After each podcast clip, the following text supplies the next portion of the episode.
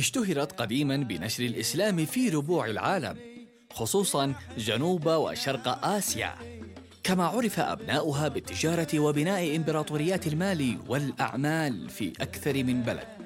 لكنها فوق ذلك منبع الطرب العربي والخليجي ودرته الفاتنة في الموسيقى والغناء والشعر. إنها حضرموت مملكة الفن وحاضنة الإبداع وصانعة مزامير العشاق. رحلة في الغناء اليمني. تتعدد الألحان الشعبية في حضرموت وفقاً لمقتضى الحال. فهناك أغاني الجمالين الحداء ويغنيها البدو للجمال وتحتوي على ألحان تمتاز بالقوة. وهناك بني مغراه وتتسم ألحانه بإثارة الحماسة والمفاخرة. وهناك ألحان ليالي رمضان وذلك بالأناشيد والأغاني الشجية التي تحتوي على قصائد في مدح الرسول وأهل البيت. وقد لحنت هذه القصائد بألحان مؤثرة تحرك القلب والمشاعر وتثير عواطف الإنسان وذكرياته.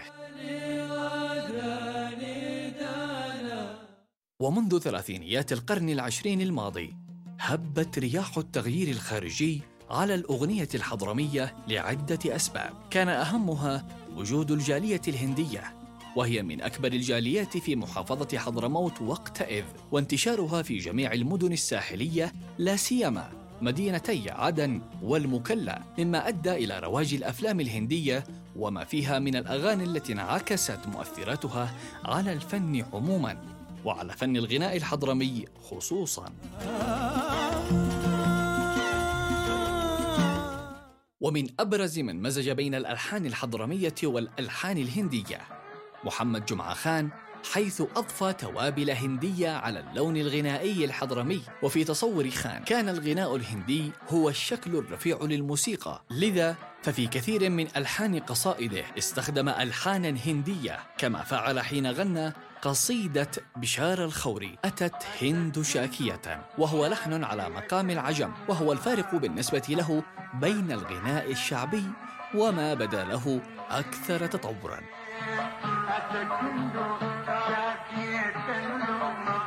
تمتاز محافظة حضرموت إلى جانب الفن الغنائي بفنون أخرى. لا سيما الرقصات الساحلية منها والداخلية التي تملأ مساحات شاسعة من حياة السواد الأعظم من الجماهير الحضرمية. وتمتاز أغاني الحدر أي وسط وأسفل وادي حضرموت الداخل بخلوها من الحركة الموسيقية الراقصة الحقيقية. فهي عبارة عن ترتيل للأبيات الشعرية فيه أنات في الأداء وتمطيط في الصوت وعليه مسحة حزينة مؤثرة ولعل للبيئة أثرها الكبير في خلق هذا النوع من الغناء الرتيب الذي يتغنى به سكان تلك المناطق الوادعة الهادئة وهم في مزارعهم وحقولهم ينتشرون الماء من الآبار ويرفعونه ببطء كما يتغنى بها الجمالون وهم يقطعون الصحاري بجمالهم وهي تسير ببطء ورتابة أيضا. زاد الحلانونك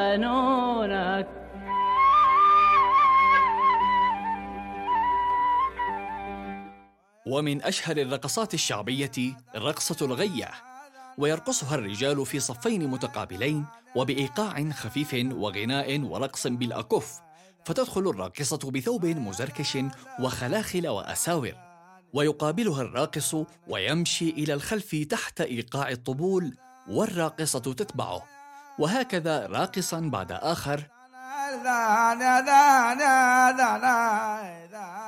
وتؤدي النساء في الشحر الشرقية هذه الرقصة حيث يجلسن في خطين متوازيين وتتوسطهن العروس وضاربات الطبول ويلبسن حزاما على الخصر وخلخالين على الرجلين تعطيان نغمة خاصة وتقوم العروس لترقص. ومن أغاني هذه الرقصة كتب الشاعر والملحن الشهير حسين أبو بكر المحضار معبرا عنها أحسن تعبير في أغنية نوب جردان يلقى عسل.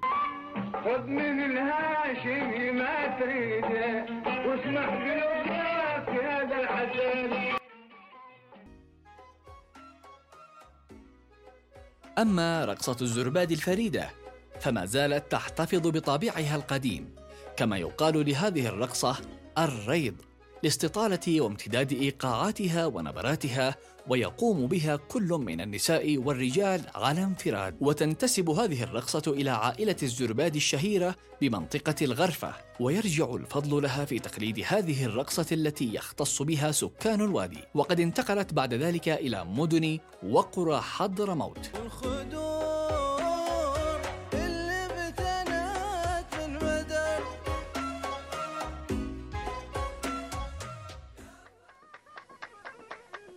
ومع أن حضرموت حافظت على الكثير من تقاليدها فإن شغف أهلها بالغناء جعلها تتقبل الكثير من الألحان والرقصات. ولا يقف التأثير الهندي والإفريقي عند منطقة الساحل. فرقصة الزربادي في مدينة تريم هي تفاعل لرقصات محلية أخرى هندية ويبدو واضحا من خلال الإيقاع وجود جذور هندية مع أن الموسيقى المصاحبة للرقص تميل أكثر إلى أسلوب يمني وحضرمي مع مزيج طفيف بينما تبدو رقصة الهبيش بما يصاحبها من صوت المزمار تشبه كثيرا في ألحانها. ما هو شائع في اليمن؟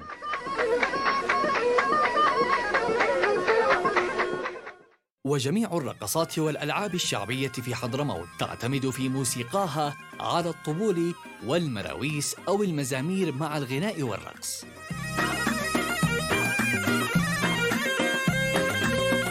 ولم تكن الآلات الموسيقية الأخرى الوترية والنحاسية مستعملة في الغناء الحضرمي ولكنهم عرفوا السمسمية. والمعروف أن لكل وتر من أوتار السمسمية الخمسة نغمة واحدة فقط بعكس آلة القنبوس. والعود والرباب. الأمر الذي يجعل من الصعوبة بمكان إخراج نغمات وألحان كثيرة من أوتار هذه الآلة فهي تحتاج إلى مهارة فائقة وتدريب شاق وطويل وعسير.